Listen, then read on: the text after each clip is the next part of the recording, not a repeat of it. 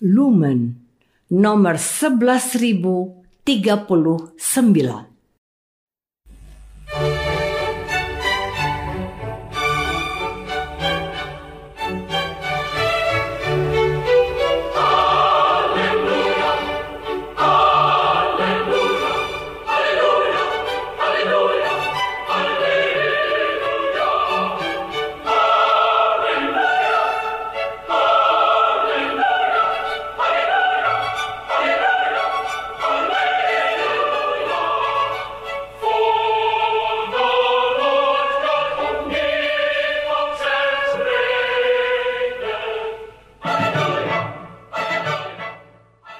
Saudara pendengar di segenap penjuru tanah air, selamat bergabung dengan Lumen Indonesia.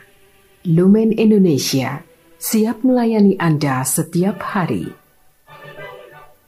Saudara terkasih, marilah kita bersatu dalam Tuhan kita Yesus Kristus yang tidak berubah dahulu, sekarang, dan selama-lamanya. Allah Sang Maha Rahim mengasihi dan menerima sebagaimana adanya kita Allah Bapa kita di surga senantiasa bersedia menolong, menghibur, dan meneguhkan kita dalam menghadapi segala permasalahan hidup sehari-hari.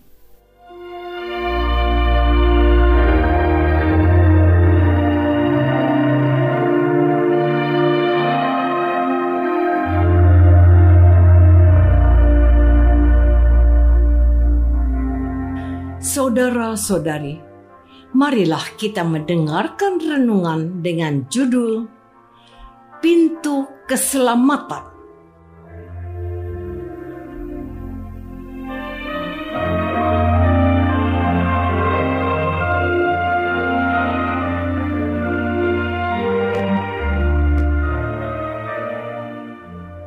yang berdasarkan pada Injil Lukas bab 13 ayat 23 dan 24. Dan ada seorang yang berkata kepadanya, Tuhan, sedikit sajakah orang yang diselamatkan? Jawab Yesus kepada orang-orang di situ, "Berjuanglah untuk melalui pintu yang sesak itu, sebab Aku berkata kepadamu, banyak orang akan berusaha untuk masuk tetapi tidak akan dapat.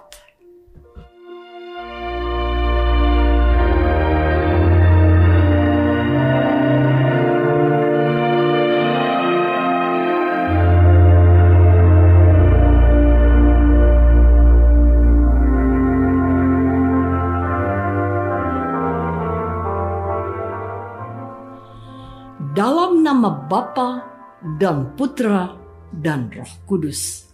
Amin. Saudara-saudari terkasih dalam nama Tuhan Yesus Kristus. Pertanyaan seseorang kepada Tuhan Yesus ini membuat aku bertanya lebih lanjut. Masih adakah di antara kita yang mempertanyakan tentang nasib kita kelak setelah kita meninggal? Bukankah yang sering kita dengar dalam suasana duka jika ada salah seorang dari antara kita wafat adalah ini. Ia itu orang baik. Dia pasti masuk surga. Atau setidaknya kita berdoa dalam WA atau pesan singkat. Semoga jiwa suci Bapak atau Ibu X diterima oleh Bapak di dalam surga hampir tidak ada orang yang mengatakan yang sebaliknya. Atau setidak-tidaknya biasanya orang lebih cenderung untuk berkata bahwa orang ini sudah melaksanakan apa yang diperintahkan oleh Tuhan Yesus. Semoga Tuhan mengampuni kesalahan dan dosa-dosanya semasa hidupnya. Menarik untuk disimak apa yang difirmankan oleh Tuhan Yesus hari ini. Berjuanglah untuk melalui pintu yang sesak itu.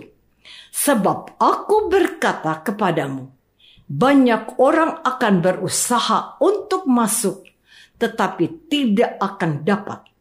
Jadi, seberapa banyak orang yang pasti diselamatkan?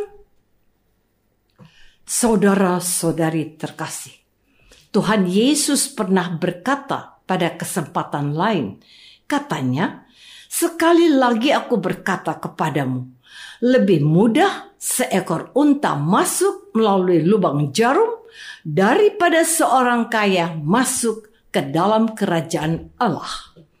Matius bab 19 ayat 24 suatu penggambaran tentang sulitnya seekor unta yang melalui pintu sempit sambil membawa beban di atas punggungnya akan mudah baginya untuk melewati pintu yang hanya cukup untuk badannya tanpa membawa beban barang atau orang di atasnya.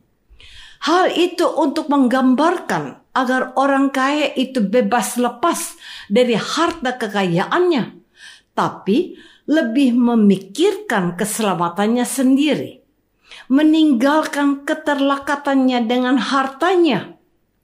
Hari ini, dengan cara lain, mau dikatakan bahwa orang yang mau diselamatkan tidak cukup menyatakan dirinya sebagai sosok yang sudah mendengarkan firman Tuhan dan terlibat dalam karya pelayanan Tuhan Yesus mereka harus juga melakukan apa yang dikehendaki Tuhan yang difirmankannya. Itulah sebabnya Tuhan Yesus berkata kepada mereka, Aku tidak tahu dari mana kamu datang, enyahlah dari hadapanku. Hai kamu sekalian yang melakukan kejahatan.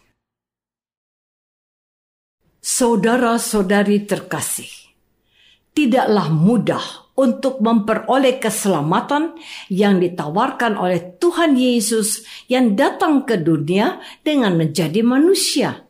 Dalam karya penggembalaannya, Rasul Santo Paulus menegaskan hal itu kepada jemaat di Filipi.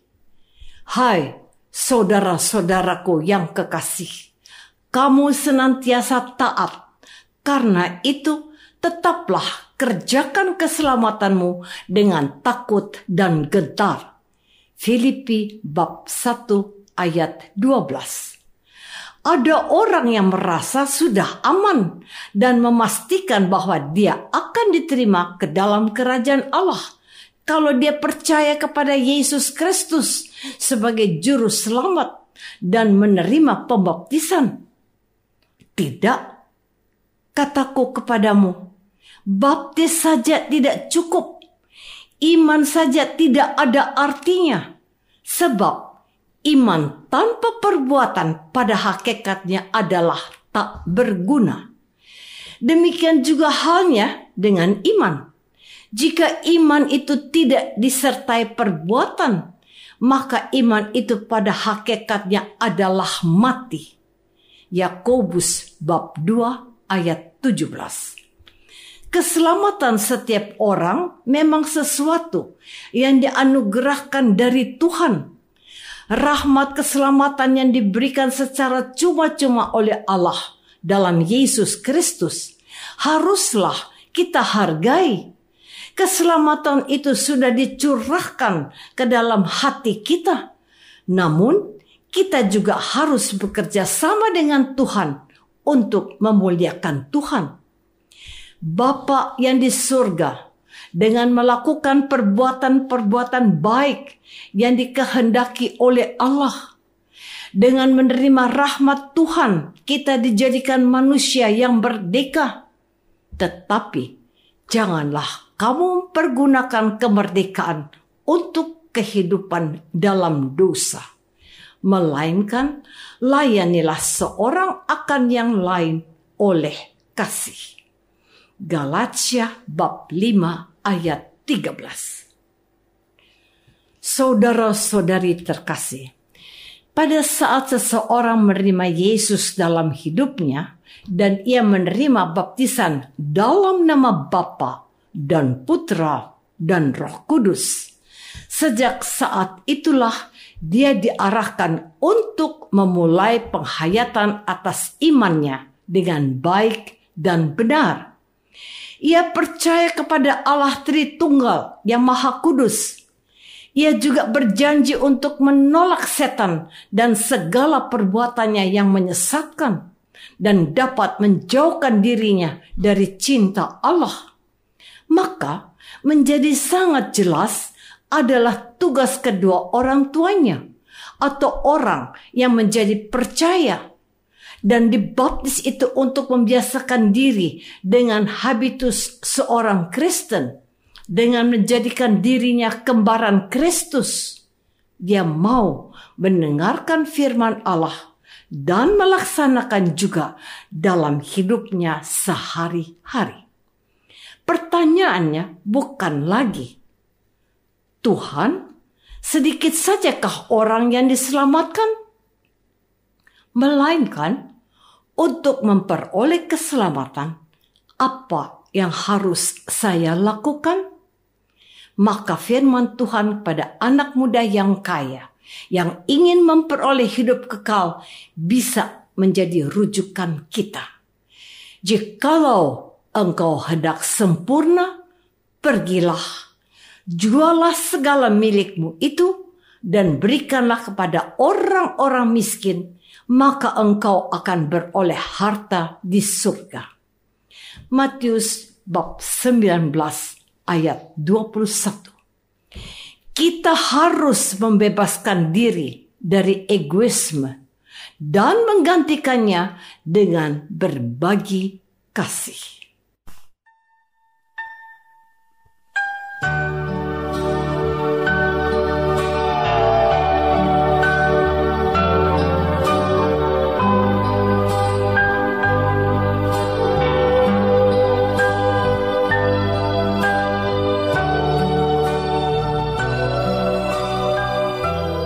Saudara terkasih, marilah kita masuk dalam saat hening sejenak untuk meresapkan renungan yang baru saja kita dengar bersama dalam kehidupan iman kita masing-masing.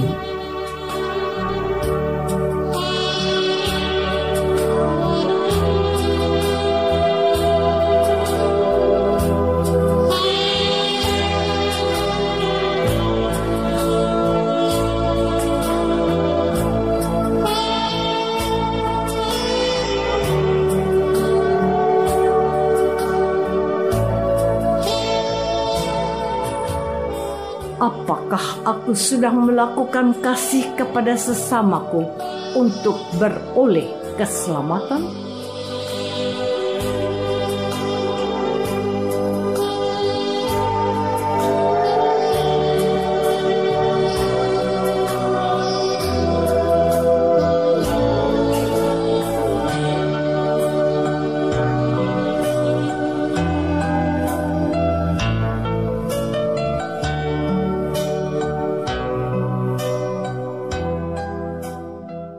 Marilah kita berdoa. Bapak yang Maha Baik, terima kasih sudah mengingatkan kami untuk tidak merasa aman dan nyaman karena percaya pada Yesus. Bantulah kami untuk setia juga melakukan pekerjaan Kristus dengan mengasihi sesama kami. Demi Kristus Tuhan kami. Amin. Semoga kita semua selalu dinaungi dan dibimbing oleh berkat Allah yang Maha Kuasa, Bapa dan Putra dan Roh Kudus. Amin.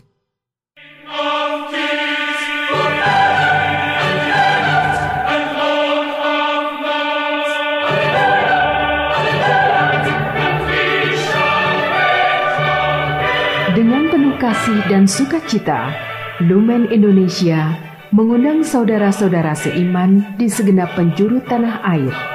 Sekiranya ada tanggapan ataupun saran, kirimkan surat Anda ke Lumen Indonesia. Terima kasih atas perhatian Anda. Sampai berjumpa lagi dengan Lumen Indonesia pada waktu dan gelombang yang sama esok hari.